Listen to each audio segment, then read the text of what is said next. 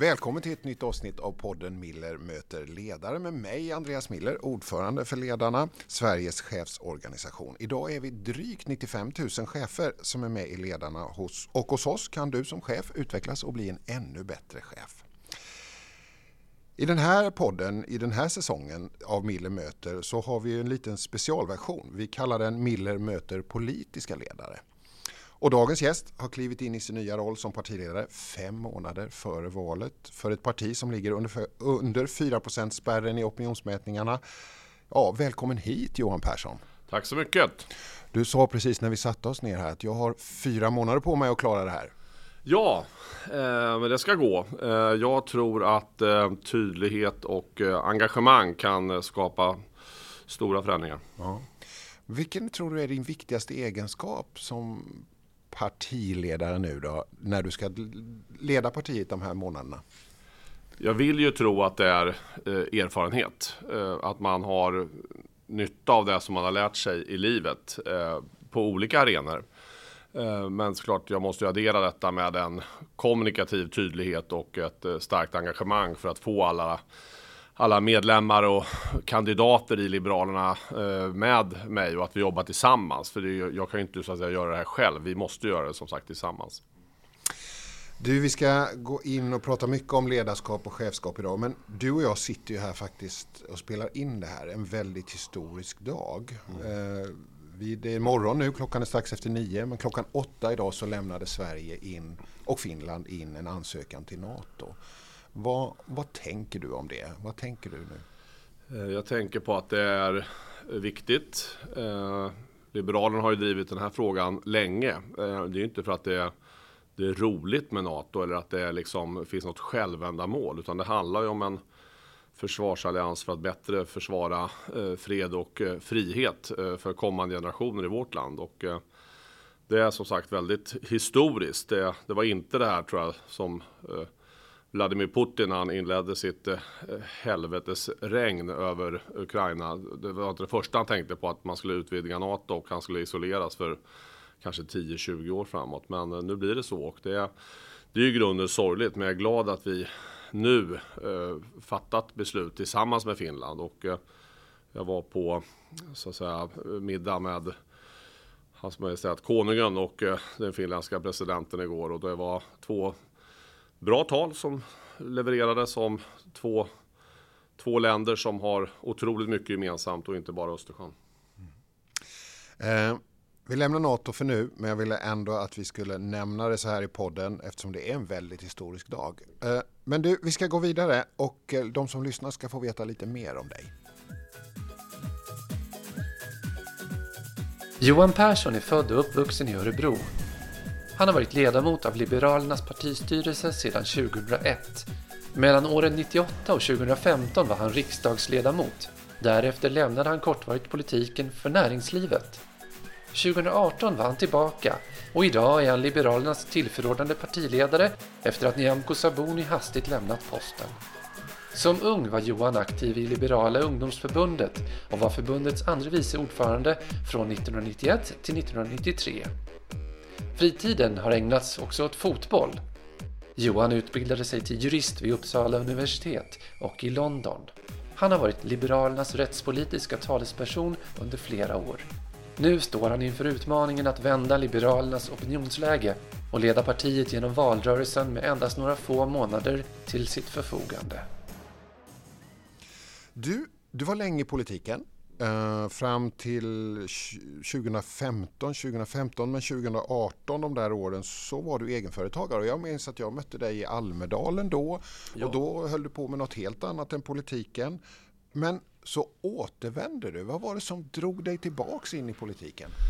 Ja, men dels det som drog mig ut från politiken var ju en vilja att jag ville pröva någonting annat efter då ganska många år, 16 eh, närmare bestämt, i i politiken så kände jag att jag var tvungen att pröva om jag, om jag kunde göra någonting annat. Jag, det var kanske lite rädsla att man skulle bli institutionaliserad i, i det politiska arbetet och den politiska logiken och så. Och då vill jag se om jag klarade av annat. Och då startade jag det här bolaget med gamla kamrater från eh, lumpen faktiskt. Vi var alla kompanibefäl och så slutade det med att vi håller på med det här idag är jag bara passiv eh, delägare så att säga. Eh, men det, det var lärorikt och det var viktigt. Sen visade det sig då eh, under 17 att det fanns en efterfrågan på att jag skulle komma tillbaka. Och då hade jag gjort vad jag kunde i ett av de dotterbolagen vi hade förvärvat. Och det var dags att göra någonting annat och då då accepterade jag att komma tillbaka. Eh, och eh, ja, nu sitter jag här som partiledare fyra månader innan valet. Så det är en riktig men utmaning. Men vad är det där då? För att det finns ju politiker som lämnar så att säga politiken och känner nej, aldrig mer tillbaks. Och de gör någonting annat. Livet går vidare liksom. Men hos dig fanns det ju någonting då i politiken som ändå är så nervkittlande att du valde att återvända. Vad är det i politiken? Det är ju insikten om att det spelar stor roll. Eh, politiska beslut är eh, tillsammans med vad vi gör inom svensk forskning, inom svensk offentlig förvaltning, eh, hur vi förvaltar den viktiga tilliten till exempel, vad vi gör inom svensk eh, entreprenörskapssfär, vad, vad vi, hur vi utvecklar, utvecklar landet så det fortsätter vara ett av de bästa länderna på jorden så, så spelar politik ganska stor roll. Och jag, tyckte då vid eftertanke när frågan hade ställts att jag hade mer, att jag har mer att ge. Eh, hade mer att ge och eh, ja, nu får jag verkligen ge allt jag kan här för att försvara eh, de liberala värden som är eh, så intimt eh, förknippade med just Liberalerna sedan mm. över hundra år. Mm. Du ska komma tillbaka till det där att kliva in i den här rollen och göra det på det sätt som du gjorde och vad, vad du tänkte där. Men du, Eh, alltså jag märker ju bara på den här korta stunden som du och jag har träffats nu så tror jag, ja men du har nog dratt tre skämt. Eh, liksom. Du verkar väldigt snabbt eh, till humorn. Eh, hur viktig är humorn för dig? Jo men det är ju viktigt. Det är ju, man måste ju ta när man har mycket allvarliga samhällsproblem. Vi har ja, Ukrainas eh, tragedi, den, den ryska eh, invasionen, mördandet. Eh, vi har utmaningar i Sverige med skjutningar, vi har vårdköer, vi har en skola som inte ger våra ger allas ungar en, en tillräckligt bra start och sådär så i, i, i det läget så är ju det mycket allvarligt men det är viktigt att man inte tar sig själv på så för stort allvar. Att man är ja, lite bjussig på det och att man kan eh, skoja. Men sen kan man ju inte skoja mycket allvarliga saker. Men, men det är en eh, det är ett förhållningssätt som gör att livet blir lite lättare. Mm. Ser du humorn som ett redskap i ditt ledarskap? Uh, I humorn, i, i, ironin inte minst, så kan man ju få fram uh, också en, en uh, ett budskap rent kommunikativt. Det kan ju vara starkare än att jag rabblar upp liksom fem sakargument för ja, någon sakfråga. Så att säga. För jag kan tänka det, att humorn är ett väldigt viktigt och ibland lite underskattat redskap i att, eh, att leda och, och, och vara chef. Eller vad tänker du? Ja, men humor kan ju vara väldigt, väldigt, eh, väldigt vass, men det kan ju också vara väldigt varm. Att det är, mm. och det är väl det som jag då känner att eh, där och jag tillämpar väl det i, i alla, alla mina roller där jag fått vara ledare eller ha ett ledaransvar eh, i någon form. Så att eh, det, det går igen. Jag försöker vara mm. ja, för och, när... och ha lätt till skratt också privat. Så att... ja. Nej, men det var ju så att säga under den här korta stunden du umgått så, så känns det som det är värme i din humor. Du, du, du, liksom, ja, du skapar en god stämning på det sättet tänker jag. Du, alltså när då du fick det här telefonsamtalet att eh, eh, din företrädare skulle lämna. Mm. Vad gjorde du för överväganden i den där stunden? Man ska komma ihåg att jag hade då blivit vald till ja, vice, förste vice partiordförande tre gånger på sådana här landsmöten som är våra återkommande så att säga, eh, högsta organ när man beslutar saker i Liberalerna. Eh, och eh, man är medveten om att saker kan hända. Jag var ju beredd på det på så sätt att man får axla det. Och då, då gjorde jag ett snabbt övervägande på eh, vad, vad jag har för plikt eh, vad jag har för, ja det är ju en ära såklart att få bära eh, så att säga, ledarskapet i ett, en så viktig sak som Liberalerna. Och, eh, men också att jag vet att det, jag tycker det är roligt. Jag tycker det är roligt att leda, att vara den som eh, bär ansvaret och försöker i positiv bemärkelse eh, få många, många med mig. Men så det var, det var en plikt, en ära och roligt. Ja, Fanns det någonting liksom av ooh, självklart. Men eh, det där kan man rätt... I de stora beslut man har fattat i livet så vet man att det är ju... Det, här fanns det inte, insåg jag, så mycket valmöjlighet. Jag, jag hade Eh, frivilligt försatt mig i situationen att acceptera att vara vice ordförande eh, i, Sveriges stolta liberala parti. Eh, och då, då- är det en plikt när man gör det. Då, då kan det här inträffa. Så att då, då gjorde jag en snabb, så att det, det fanns inte så mycket. Utan jag kunde snabbt fokusera på ja, det ärofyllda och, och den stora utmaningen och att det, det är väldigt roligt. Du, om du skulle börja, om du skulle titta på dig själv eh, och så här, vad, vad, vem är du som ledare? Man har ju i min ålder eh, ändå mött många människor som man kan inspireras av. Eh, det finns ju en del människor man har mött som man kan kanske mindre inspireras av också för den delen faktiskt. Och eller snarare förstå hur man ska vara istället. Ja, eller precis. Man ska vara motsatt helt enkelt. Och, eh, d- så min, ja, jag är väl rätt öppen. Jag är ganska eh, rak. Jag försöker vara tydlig när det är viktigt. Eh, Jag försöker bygga på det som idag populärt kallas eh, psykologisk säkerhet. Jag försöker vara tydlig med att eh, mina kollegor, mina, vi som jobbar tillsammans, kandidater och medlemmar och de medarbetare som ser till att bli möjligt i, i, i Liberalerna att de känner en trygghet eh, i, i, i mitt eller vårt ledarskap. För vi är ju flera som bär ansvar, jag gör ju inte det själv bara. Och att man ska eh, våga göra saker och att det viktigaste man vet vad, vad, vad, vad syftet är, vad intentionen är med att vi gör saker. Och då eh, leder det, hoppas jag att folk har en hög aktivitetsnivå och vågar fatta beslut. Och om det mm, ibland blir fel, vilket sker, då, då kan man backa tillbaka och göra rätt. eh, Istället för att människor står stilla och är mer eller mindre paralyserade av eh, att man väntar på en order. Så att säga. Det, Men hur är det där med trygghet då? För det är ju, det är ju hur, hur, hur bygger man trygghet så att säga? Så... Men det är ju den här äh, ganska välutvecklade äh, teorierna i Sverige och, den, och det svenska ledarskapet är ju lite, tycker jag, äh, internationellt slagkraftigt genom, det beror inte bara på att alla människor i Sverige ofta någon gång har gått någon variant eller gått en sån här UGL-kurs. Eh, det vill säga att man jobbar mycket med löpande feedback för att förstå och man förstår också att eh, gruppdynamiken befinner sig på olika nivåer. Man börjar i en väldigt basal nivå eh, och att man från där kan lyftas upp till någon sorts högpresterande team där man tillsammans gör underverk.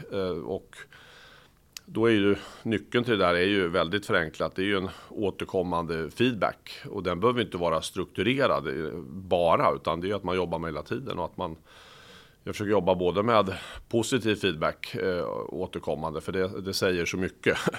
eh, men det är också då lättare att kunna ge eh, annan feedback där man vill förändra någonting. tycker du, får du feedback på hur du är från andra runt dig? Ja, det finns, har du hört talas om opinionsmätningar? Absolut. Det är ju en... Det är en brutal feedback faktiskt. Och sen Ja. finns det en väldigt stark feedback den 11 september. För då, ska man, då kommer svenska folket ge en, en rak, ärlig feedback på vad, vad vi har lyckats leverera tillsammans. Ja. Jo, men det är ju, det, du har ju helt rätt. Och, och, Ja, men det gör är, vi. det- är, hur, hur jobbig är opinionsfeedbacken för dig? Ja men det är ju klart att den är, det är ju tufft liksom. Det är ju, vi, vi är ju en bransch och, och politik är ju då till skillnad mot det mesta andra man gör i organisationer eller företag och så. Eh, eh det här är ju ett nollsummespel liksom. Sverige skulle ju, eller akademi, Sverige skulle kunna ha alla Nobelpris om vi ville. eller om vi ville, men om, det skulle ju vara teoretiskt möjligt. Men det, så här, till, till Sveriges riksdag, då finns det 349 mandat som ska fördelas efter hur människor röstar. Det är ju det, som är hela idén med demokrati. Men det är ju liksom, man kan inte få fler. Man kan inte få mindre heller. Så att oavsett hur du agerar så är man ju så att det är en det, det är verkligen ett nollsummespel. Mm. Men vad, vad händer i dig när de här opinionsmätningarna kommer? Är det liksom... Ja men det påverkar såklart. Det är, det är ju alltid mycket roligare när det går uppåt och man får en förhoppningsvis en mer lite positiv spiral. Ibland så går det ju och när det går ner så känner man att ja, då får man koppla det till att har, har vi varit osynliga? Har vi liksom var, vad, vad är det som liksom inte går hem nu? Eh, samtidigt som det är svårt att operera det där, för man måste ju jobba både på lång och kort sikt. Eh, strategiskt eh, ja, och sen taktiskt i, i politiken också. Vad det gäller politiska positioner och, och sitt långsiktiga budskap. För det är ju, jag är medveten om att medborgarna i Sverige eh, har eh, inte alltid den, den, politiska debatten högst på sin egen personliga dagordning. Man har fullt upp med ja, sitt jobb och sin familj och ja, grannar vad nu är, eh, idrott och intressen. Vilket är fantastiskt att man kan ha det i Sverige. Så att då, eh, då ska man veta om att man kan mala på med ett budskap som kan ge eh, ja, konsekvenserna och, och, utdelningen så att säga. Och resultatet kan komma mycket, mycket senare. Det är, inte alltid så att bara för man flaxar mycket och syns i media att det ger ett resultat. Så att, eh, ja, lång, lång och kort sikt. Men ibland är det väl så att väljarna inte är helt, så att säga, att, att flaxa och synas och höras kan vara väldigt viktigt för att få upp den där opinionsmätningen. Jo, det, så på kort inte... sikt så är det viktigt, och särskilt om jag då i min roll, eh, som jag har nu har axlat, att vara på försöka bli eh, känd och folk ska veta vem Johan Persson är och varför möjligen. Och, och att, att i det då kräver ju det att jag, jag flaxar extra mycket på olika sätt. Att sälja in ja, oss. Är det stora risker egentligen med det här? Att det politiska livet blir så styrt av opinionsmätningar? Det haglar ju opinionsmätningar. Jag vet inte hur många institut vi har och, och, och, och så. Hur ser du på det där? Ja, nej, det, det, är svårt då. Folk får väl gå runt och göra opinionsmätningar hur mycket de vill oavsett om det gäller vilket, eh, ja, var man Eh, vilket elbolag du vill välja eller vilket parti du vill välja. Det är ju liksom en del av demokratin och så eh, får väl medierna sprida det i vilken omfattning de vill. Det är, ja, men, men att det, det, det, är ju löpande så man är ju van med det. Det, det finns ju en, eh, eh, ja, en förmåga att ja, acceptera både med och motgångar och det kan jag säga att har man varit med i Liberalerna några år så vet jag om hur det bara, hur, både hur det är att det går otroligt bra men jag vet också hur det är när det går tuffare. Mm. Ja, du var ju faktiskt med när, när Lejonkungen, eh, Lars Leijonborg, fick 13,7 procent. Ja, ja, men 13 plus någonting. 13 mm. plus någonting. Och nu är det ett helt annat läge.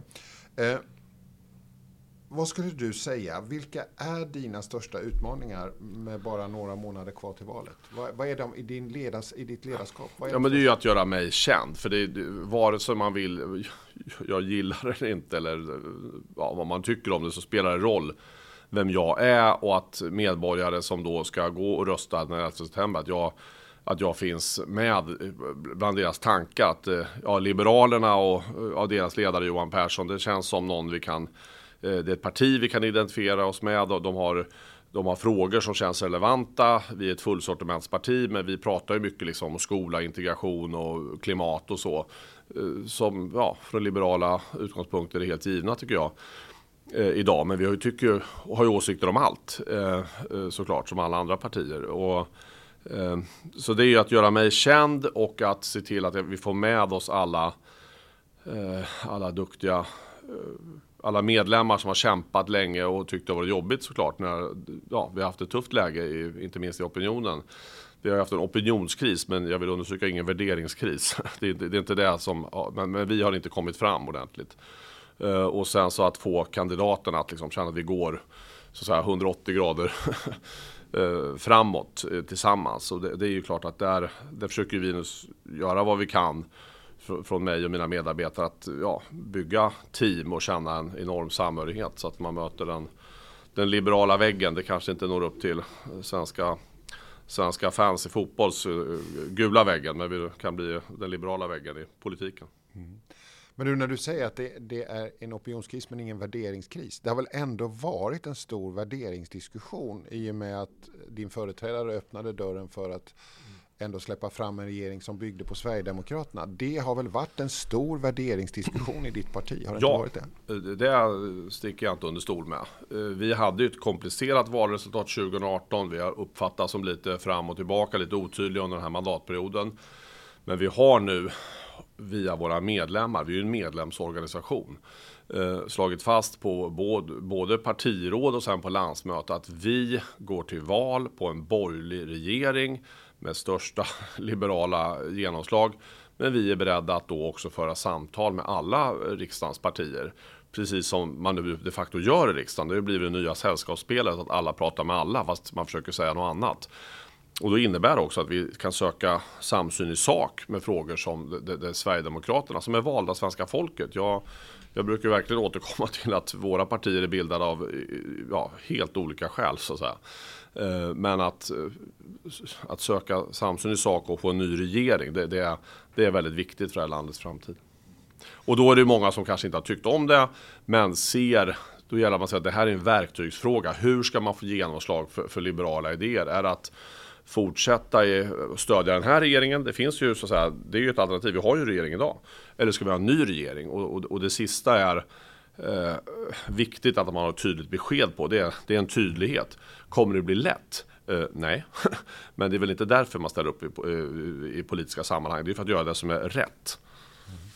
Du, jag har ju mött liberaler som är, eh, ja, men som är genuint eh, ja, ledsna, besvikna över det här vägvalet. Och, och jag har mött liberaler som har lämnat partiet men också liberaler som är kvar men som man märker är ja, men väldigt, väldigt oroliga över detta. Vad, hur tänker du som partiledare? Hur ska du, för, ja, du säger att okej, okay, ni har haft en majoritet på era möten, men det har ändå funnits en tydlig minoritet som inte har gillat det här. Ja. Hur jobbar man som partiledare med att få ihop organisationen mm. då framåt? Jag måste ju då kommunicera internt till de människor som känner en tveksamhet och som tycker att vi ska inte Eh, så att säga, hantera väljarnas resultat eh, på det sättet att man ska kunna prata med alla. Eh, och prata, det tycker ju alla vill understryka, men söka samsyn och säga att nu nu accepterar vi den här budgeten och vi har då förhandlat ett innehåll i sak på, på ett antal områden som gör att ja, den går igenom så att en regering kan tillträda. Det gäller att jag är tydlig med att signalera med att jag, jag har starka rötter i den svenska liberalismen. Jag kan dra så att säga, trådar tillbaka i mitt eget tänkande och mina egna värderingar till långt tillbaka, Bertil Ohlin och ännu längre om det behövs. Och jag vet vad, vad, man har gjort senare, vad Ahlmark har gjort och vad eh, Leijonborg och Björklund och Nyamko Sabuni har gjort. Alla de här som har spelat en stor roll eh, för Liberalerna vi är idag. Jag har, jag kommer aldrig tumma på liberala grundprinciper. Det är, liksom, det är, det är skillnad att ge och ta i en förhandling. Men då ger ju också jag eh, människor ett erbjudande här. Rösta på Liberalerna så får eh, ni ett maktskifte, ni får en ny regering och ju fler som röstar på oss desto starkare blir vår politik förankrad i, i, den, liberala, ja, i, i, i den långa mitten. Jag är ju ganska lång så jag är i den långa mitten. Men du, alltså de här medlemmarna då? Som, ja. som är liksom besvikna. Och då ska jag ge och hur dem, gör du som ledare för Då kan jag bara säga att eh, gilla läget. Vi är en, eh, vi är en eh, demokratisk organisation. Man får inte alltid som man vill. Mm. Inte ens jag hoppar jämfota till alla beslut som Liberalerna har tagit genom åren. Däremot respekterar jag dem. Jag, jag förstår att eh, när, de, när någon annan tycker något annat så gör de det i ett gott syfte. Eh, då försöker jag eh, snälltolka.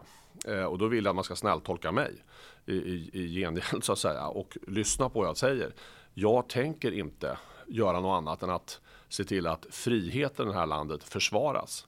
Det som liberaler uppnått i många, ja i hundra år.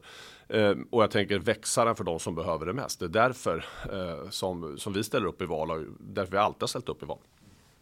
Så då, då hoppas jag att ge, inge den tryggheten och då tror jag att jag även får några av de som har varit tveksamma eh, till vägvalet eh, eh, att eh, vilja också vara med och dela ut flygblad och knacka dörrar. Har du, tycker du att du har märkt det sen du ja. tillträdde? Ja.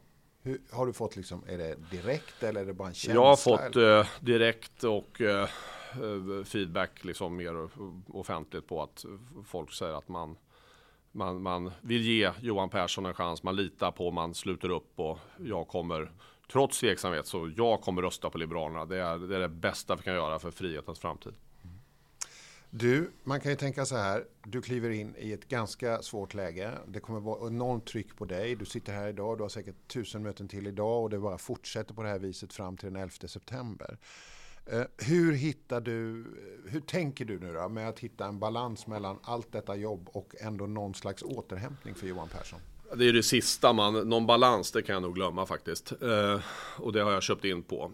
Mm. Eh, det är ju bra att en mandatperiod är så att säga, fyra år så man inte har det här tempot hela tiden. Men det här tempot kommer vara högt eh, och det, det kommer kräva mycket av mig och eh, av alla kandidater i Liberalerna på olika positioner. Och vi, eh, men då återhämtning är ju någonting jag starkt rekommenderar och det är klart att jag behöver vila min hjärna ibland. Eh, och då gör ju jag det genom att man går på Friskis och Svettis så att man hänger med lite vänner som inte bara pratar politik. Och sen har man ju, ja, jag har ju fyra barn och kvinna som jag lever med och vi har ju, ja, man går ut i skogen nu väldigt bra till exempel. Då kan man ju tänka och prata om annat. Så det är ju det är ju viktigt att, man, att jag hittar de luckorna för att annars så ja, det kan det ju tjuta i huvudet ibland när man går och lägger sig. Man undrar ja. vad, vad har jag gjort idag? Så att, mm. Mm. Kan du vara, och visst, är jag på, visst är jag på podden Ledarna just nu. ja, du, Johan, du är på podden Miller möter politiska ja, ledare. Ja, så jag vet var jag är någonstans. Absolut. Det var ett skämt. det uppfattade jag det faktiskt också som. Men det är ju som vi har pratat om, du har ju nära till skämten. Men du, eh, om vi skulle bli lite allvarliga, ja det har vi varit hela tiden, men om vi skulle gå in på det som hände i påskas. Vi såg kravaller som bröt ut i flera delar i landet och jag tänker vi, vi såg ju ändå en polarisering där som kom till uttryck på något sätt i det där. Och vi ser ett polariserat samhälle, vi ser en ganska tuff diskussion många gånger på sociala medier och så vidare. Vad, vad tänker du om denna politiska utvecklingen? Mm. Ja, det här är ju vår tids, eh, vårt lands stora utmaning. Det, det är ju ett faktum att eh, vi har människor som har kommit till Sverige på olika sätt men inte har integrerats i Sverige. Det är därför Liberalerna har integration. Där det handlar om både verktygslådor som måste sättas fram så att människor kan ta sig, men vi ställer också krav. Att ställa krav är att bry sig. Och tittar man historiskt så har vi pekat på de här problemen i, i 20 års tid. Ganska tydligt. Vi har sagt att man måste kunna svenska för att få bli medborgare i Sverige. Det var ju ett eh, himla liv om det för 20 år sedan. Nu är alla för tydligen. Men det är klart att vi har en separatistisk rörelse i Sverige på riktigt. Det, det finns människor som inte bara är synd om för att de lever i mentalt fattiga miljöer eh, och kanske också ekonomiskt och socialt. Men det finns kulturuttryck i Sverige som handlar dels om att förtrycka kvinnor. Medeltiden har kommit tillbaka från historieböckerna och befinner sig just nu i Sverige. Det där är en liberal huvuduppgift. Liberaler, socialliberaler drev ut eh, kvinnohatarna ur den svenska kyrkan. Det var ingen som brydde sig om någon religionsfrihet då och det var stenhård press eh, på de krafterna. Det där måste vi tillämpa nu också när vi pratar om eh, eh islam. Eh, det går utmärkt att vara både kristen och jude och muslim och svensk. Men man kan absolut inte vara eh, islamist. Du kan formellt vara svensk medborgare men du, eh, du ska hållas extremt kort och hållas på mattan. Så en del av de där upploppen som var i påskas, inte minst i min stad i Örebro. Det, det var ju ett uttryck för att det finns krafter som inte vill köpa in på till exempel yttrandefriheten. Den som är baslinjen i den liberala demokratin. Eh, och att de tycker att vi ska ha så att säga lagar mot eh, att man ska få eh, håna och förlöjliga och eh, driva med religioner. Det är ju helt oacceptabelt. Så vi har en ganska tuff resa framför oss. För det här behövs det både polisiära åtgärder och det krävs enorma samhällskapsreaktioner. Vi behöver i stort sett fylla Globen några vänder med människor som behöver sitta där och lyssna och lära hur det svenska samhället ser ut. Men du som politisk ledare då? Uh, du kan ju inte tvångskommendera dem till Globen. Du kan ju liksom inte, det är ju också en del av friheten. Det är korrekt, men jag försvarar, jag, jag försvarar uh, uh, det extrema partiet Nyans att formulera sig och yttra sig. Fast de vill ja, skicka Sverige tillbaka till medeltiden i stort sett. Jag försvarar också den här dansk-svensken, ja, tragisk galning om man uttrycker mig milt. Eh, att ägna sig åt det vad han gör. Jag försvarar svenska nazister att få demonstrera. Vi har ju gränser i form av förtal och Hets mot eh, folkgrupp. hets mot folkgrupp. Så är, ibland åker de här personerna dit för att de passerar de gränserna. Men att man får ha möten. Eller reclaim the street eh, om man tar några vänsterextremister och, och så. Så det är klart att här får ju Eh, här är det ju yttrandefriheten som har löst detta i Sverige så långt och kommer lösa de här frågorna i, i förlängningen. Men den svenska statens skydd av grundlagen eh, måste ju vara solklar och vi måste ju verkligen gå hårt åt fram för att det är klart, vi kan ju inte sälja ut jämställdhet eller yttrandefrihet för religiösa krafter som uppenbart säger att de vill ju attackera den svenska grundlagen. Det är ju på riktigt. Vi måste stå emot den här separatistiska kraften, eh, islamistiska kraften, eh, klankraften, kalla det vad du vill. Det är en huvudfråga för liberaler på samma sätt som vi gjorde i Sverige. Vi var ju ett klansamhälle också. Vi var ju också ett samhälle som förtryckte kvinnor. Det där har ju vi rensat ut och socialliberaler stod i frontlinjen då och vi måste göra nu. Även om de här personerna kanske har eh, så att säga, bakgrund i, i andra länder. Det, det spelar ju ingen roll, eller om man kommer från Odensbacken eller Åmål. Men du, eh, om, om, om, jag förstår hur du tänker, men, men ändå så tänker jag så här, eh, liksom hur...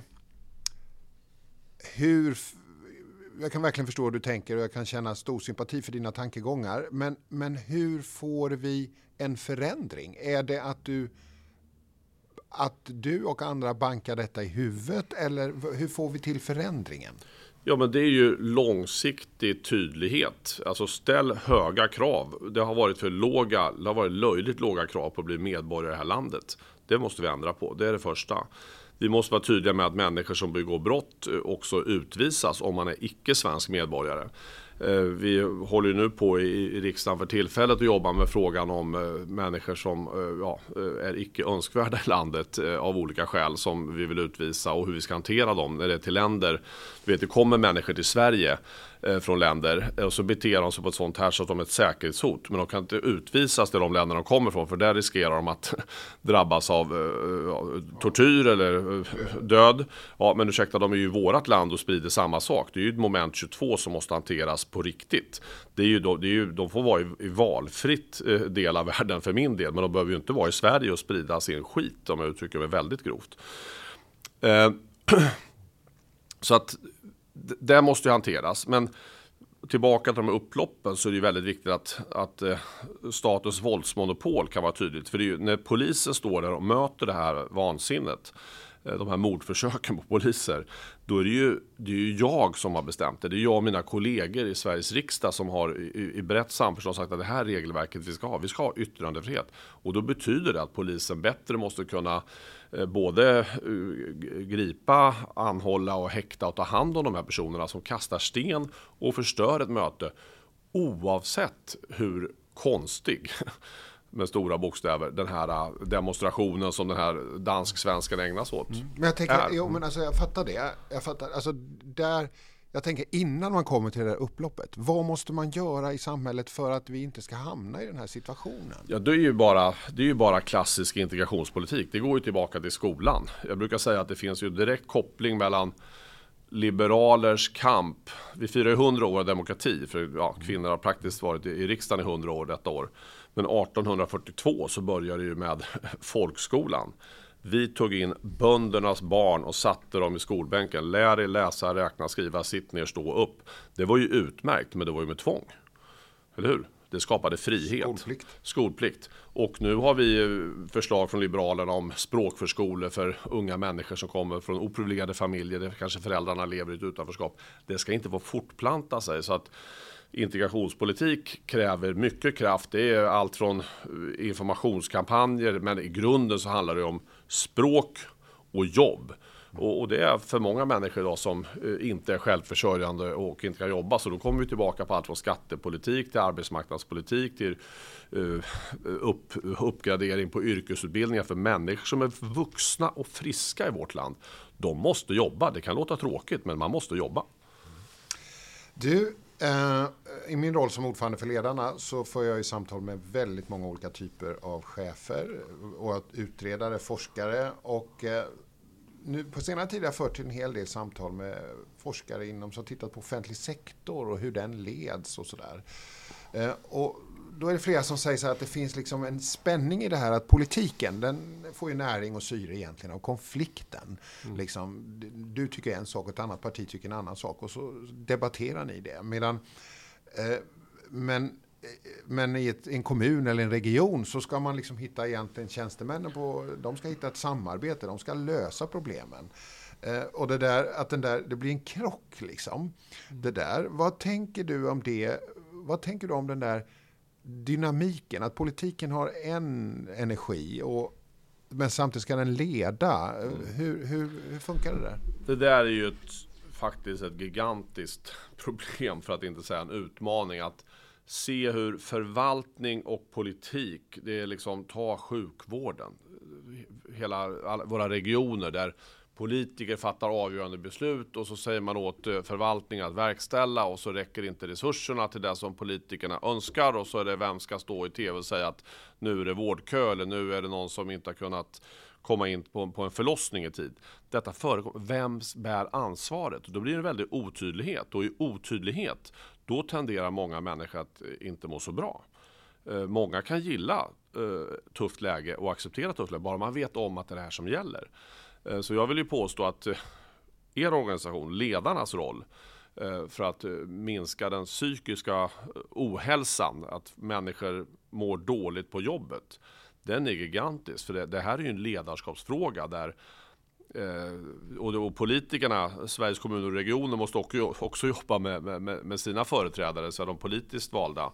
Eh, men, ledarskapet i den offentliga sektorn är ju helt avgörande om vi ska kunna rekrytera folk dit överhuvudtaget. Mm. Och det här håller jag ju helt med dig och vi driver ju verkligen att ledarskapet gör stor skillnad och betyder jättemycket i offentlig sektor, inte bara där. Men, men om vi nu pratar om offentlig sektor så har det en otroligt stor betydelse. Men vi ser ju också att det politiska ledarskapet har väldigt svårt att prioritera det operativa ledarskapets förutsättningar. Vi ser ju, men under pandemin har vi ju sett hur vårdomsorgs, vår, chefer inom vård och omsorg har haft alldeles för stora grupper, alldeles för små resurser och så vidare. Vad tänker du om det där att led, politiken har haft så svårt att prioritera ledarskapets förutsättningar?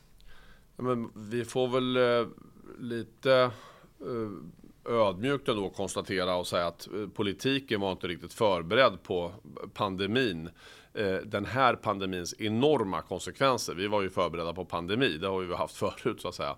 Men inte med den här kraften och det här, den här farligheten i, i form av att så många människor faktiskt har förlorat livet. Och att det var en enorm press på, på medarbetarna inom, inom vård och inom omsorg och på lärarna i skolan och så. Eh, polisen, överallt så sattes det enormt tryck och där, där tycker jag man ska ta till sig alla de nu utvärderingar som görs eh, på eh, hur vi hanterade corona på stort allvar. Det gäller ju allt till att vi har fysiska resurser av beredskapslager till att vi har planer, att vi har eh, och skyddsdräkter också. Men, men, att vi är mer förberedda för det, det, finns ju tyvärr ingenting som talar för att det här inte kan komma tillbaka i en, i en ny mutation, mutation eller en helt ny, eh, i en helt ny form. Men vad vill du då ge ledarskapet för förutsättningar? det är ju att man är väldigt tydlig vem som det är som bestämmer. Och då kan väl jag tycka att eh, det redan från den allra högsta toppen har varit ganska tveksamt. Vem är det som bestämmer?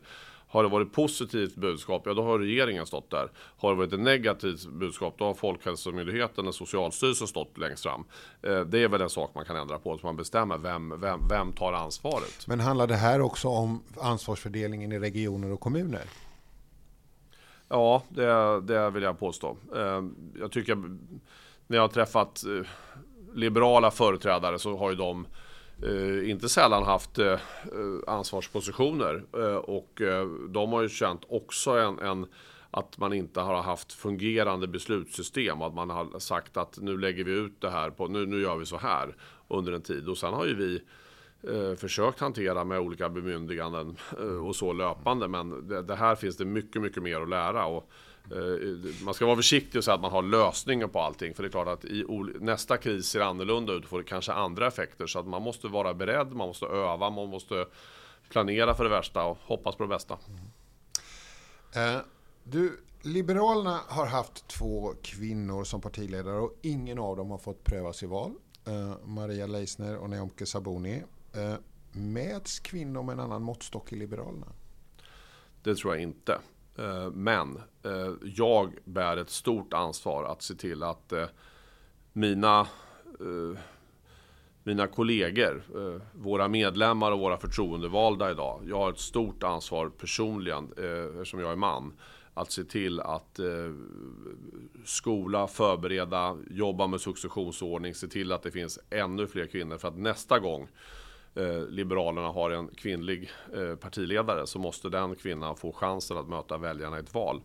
Det handlar om att förbereda, att eh, stödja, att hjälpa och, och utveckla eh, olika personers eh, ledarskap och det, det ligger på mig nu.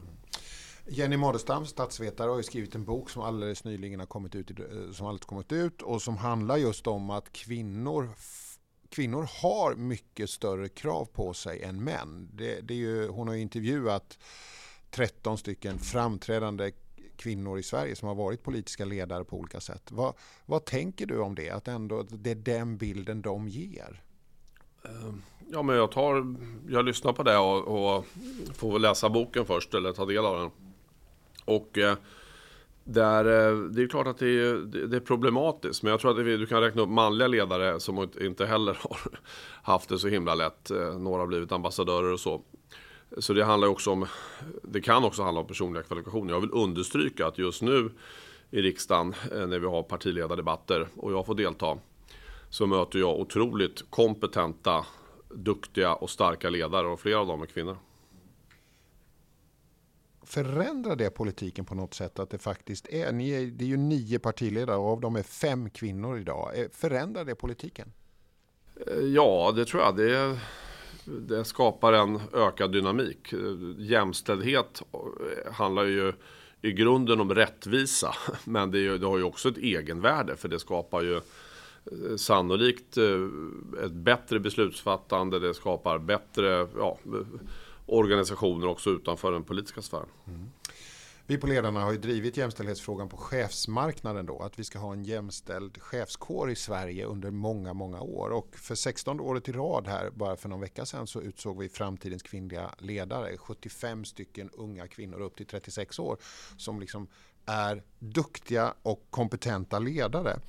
Eh, men vi kan ju se när vi, eh, och när vi, vi ser ju att det fortfarande går ganska långsamt i näringslivet. Eh, I offentlig sektor är det ju mer kvinnor som är chefer. Men vi ser ju att en sak som händer är ju föräldraledigheten när den tas ut. Den påverkar hur man fördelar den mellan sin partner och sig själv. Det påverkar väldigt mycket ens karriärmöjligheter och vi ser ju att om vi individualiserade föräldraledigheten ännu mer än vad den är idag så skulle det gynna så att säga en, en det skulle bli lättare för båda att göra karriär så att säga. Eller det skulle bli mer rättvist. Vad tänker ni om det där inom Liberalerna? Liberaler utgår ju från individer. Vi, vi ser ju inte människor som kollektiv, föräldrar, arbetare, tjänstemän, ledare. Vi ser ju individen i, i, i, varje sån här, varje kollektiv. Eh, och då tycker jag att det är viktigt att man hittar en balans där och därför är jag stolt och glad för att Liberalerna har varit med och drivit både, fram både en och två och tre eh, kvoterade eh, månader. Mm. Pappa mm. månader säger man, men det är ju lika mm. mycket mamma månad ja, faktiskt. Ja. Utmärkt. Vårt förslag är nu att man ska kunna använda hela den tid som, och nu pratar vi om världens, galaxernas största och bästa föräldraförsäkring. Finns inte någon annanstans. Eh, och då att man har också möjligheten att eh, vi har öronmärkta månader. Det ses ju som ett tvång och att man liksom petar i individens rätt. Men det, det är värt för det här är en förmån men att vi kan också pressa ihop föräldraförsäkringen så man kan ta ut ja, full ersättning för bortfallen lön under en kortare tid. För det är inte så att de här andra länderna så blir alla barn eh, de blir inte föräldralösa, de blir inte per definition eh, icke-fungerande som vuxna bara för att man har kortare föräldraledighet. Utan vi har valt den här modellen i Sverige. Den är jag stolt och glad och tacksam över. Så att vi, vi tror att det är snarare på den bogen man kan pressa ihop det och sen så se till att... Hur då menar du? Jag fattar inte Ja men att man ska, idag har du ju den grund, du har ju den föräldraförsäkringen där du kan ha en viss ersättning från mm. ja, Försäkringskassan från staten. Och så har du garantidagar. Om man ja. kan pressa ihop det där och ta ut allting under, så säga, under 12 månader. Då kan du få 100% ja, ersättning. Okay. och, och, då blir det kortare tid. Eh, och eh, då får familjen bestämma själv om de vill leda detta. Men, men pappan har tre månader och, och, och, och mamman också alltid tre månader. Men jag vill lägga till att för jämställdhet och det här livspusslet, ekorrhjulet som många familjer befinner sig och inte minst jag själv har gjort rätt många år så är ju fungerande skola, förskola, äldreomsorg. För att det tenderar att vara så att man i mitt i livet får lite eh, väldigt vuxna föräldrar eh, som behöver mer hjälp och stöd. Och att fungera det där runt omkring eh, så minskar också trycket på ja, för att tala klartext, kvinnor eh, i, i, i, utsatta situationer. Oavsett om de är jobb, medlemmar i ledare eller inte så, så minskar det trycket. Så att det är, de här grundläggande välfärdsinstitutionerna Eh, vid sidan av eh, en föräldraförsäkring är grundläggande. Och då ökar också möjligheten att eh, ja, man delar på det som händer under hela livet sen. För barnen blir ju snoriga, hör och häpna. Och då, då ska man vabba. Mm. Och att det fördelas lika. Mm. Men du, vi, vi eh, gör ett antal studier här återkommande på ledarna och då ser vi att chefer i offentlig verksamhet, i synnerhet då i kvinnodominerade arbetsområden, de har sämre förutsättningar än chefer i mansdominerade arbetsområden. Och det är då ser vi att det är större medarbetargrupper för kvinnorna, det är sämre administrativt stöd och det är fler kringuppgifter som inte egentligen hör till chefsuppdraget som kvinnorna gör. Eh, och de har ofta högre utbildning men de har sämre betalt. Eh, och vi är inte ensamma om att ha identifierat den här, den här strukturella eh, skillnaderna. Vad, vad, hur ser du på det och vad tror du det beror på? Ja, det är väl ett uttryck helt enkelt för brist på jämställdhet och att man inte man betraktar kvinnors eh, eh ledarskapsroller på annorlunda sätt. Och jag tror det hänger ihop mycket med att vi har, det är olika villkor i offentlig verksamhet och, och eh, inom, inom, företag eller eh, mer privata organisationer. Så att det, det finns mycket gjort i Sverige, men det finns mycket mer att göra eh, för att nå Eh, det, det målet som är det enda rimliga. Det är jämställdhet mellan könen. Mm. Du, vi börjar närma oss slutet av den här podden. Eh, vad, vad är ditt viktigaste ledord nu när du liksom under de här fyra månaderna som racet handlar om till den 11 september? Uh tydliga tillsammans. Det är, det är vårt, vi, vi, möter medborgare som har mängder av synpunkter, helt olika ingångar eh, och, och betraktelser av huruvida samhället är komplext eller inte. Och det, det är val den 11 september. Eh, vi måste vara tydliga eh, med vad vi står för och, eh, ge ett, ett budskap som ja, fastnar hos människor. Det, då försöker jag klä det, våran skola och integration och klimat och den liberala rationaliteten och den liberala frihetskampen. I, ja. Hur viktigt är ordet tillsammans? Ja men det är viktigt. För, att liberaler är ju så att säga, vi står ju på individens sida. Vi är emot kollektiv. Det finns ju socialister i det här landet som älskar att alla ska göra lika. Du ska inte ens få välja elbolag tyckte ju några förut. Nu kanske inte den största frihetsfrågan vill jag understryka, men friheten att kunna få välja skola eller kunna få välja olika alternativ om man behöver vård eller omsorg på ålderns höst. Det där är ju en levande frihetsfråga. Där några säger att det är politiker som ska bestämma allt. Ren kollektivism. Men så finns det de som försvarar med andra. Vi var inne lite på det här det, det, det hederskulturella komplexet. Där det är liksom familjer och klaner. Det är en annan kollektivism på en annan nivå. Men den förtrycker fruktansvärt. Både kvinnor men också män. Eh, men när jag säger individ, då vill inte jag hamna i någon ensamhet, att jag ensam ska göra allting. Men liberaler gör saker tillsammans, men det är frivilliga gemenskaper. Det, är, det kan vara idrott, det kan vara kultur, det kan vara den familjebildningen man väljer, att man får älska vem man vill i det liberala samhället och att man man deltar, man är engagerad i civilsamhället. Det kan vara Röda Korset, ett politiskt parti, det kan vara man kan nattvandra, men man är delaktig eh, och därför så är tillsammans ett viktigt ord för mig. Mm. Så det är liksom individen i kollektivet? Ja, men individen som själv får välja. Man kan gå in och ur olika kollektiv. Man, man, man är inte dömd till att alltid lyssna på en sosse som ska berätta exakt vad du ska göra och hur du ska leva ditt liv. Men du ska inte vara förtryckt i något annat eh, kollektiv som har någon kulturell sfär eller liksom det finns någon hederselände. Man, ska, man ska inte heller vara dömd att lyssna till Johan Persson då hela Nej, det är en valfrihet att rösta på mig, eller men gör gärna det. det förstår ju vi, alla partiledare som är här tycker att man ska rösta just på dem. Ja, eh, men vi på ledarna eh, rekommenderar ingen att, vi rekommenderar alla att rösta, men man får välja själv vilket parti man ska rösta på. Ja, men du, bra du, är ny, princip. du är ju ny i din roll. Eh, om du skulle ge ett råd till chefer som precis håller på att kliva in i en ny roll, vad är det då? Eh, var snäll mot dig själv. Inse att ledarskap är någonting man, man växer. Det är, det är någonting man eh, utvecklar över tid. Men ta också hjälp eh, att se ledarskapets grundelement vad det gäller eh, hur grupper jobbar, hur, hur man behöver jobba hela tiden med feedback och med, med trygghet i en organisation för att skapa eh, ja, kraft i, i det du, du är satt att leda. Var snäll mot dig själv, det tycker jag var ganska bra faktiskt. Ja, för det, det tar tid och man gör misstag. Men, men du, du kan jobba, du måste tränas och våga ta ansvar, ta nya roller, eh, vara framåtlutad. Men gör det lite parallellt och, och, läs, för det finns så många som har eh, skrivit och forskat och det finns ganska välutvecklat hur gruppdynamik ser ut och vikten av en, en, en pågående dialog, att det, det, är grunden för ledarskapet. Mm. Vad kul att föra en dialog med dig idag.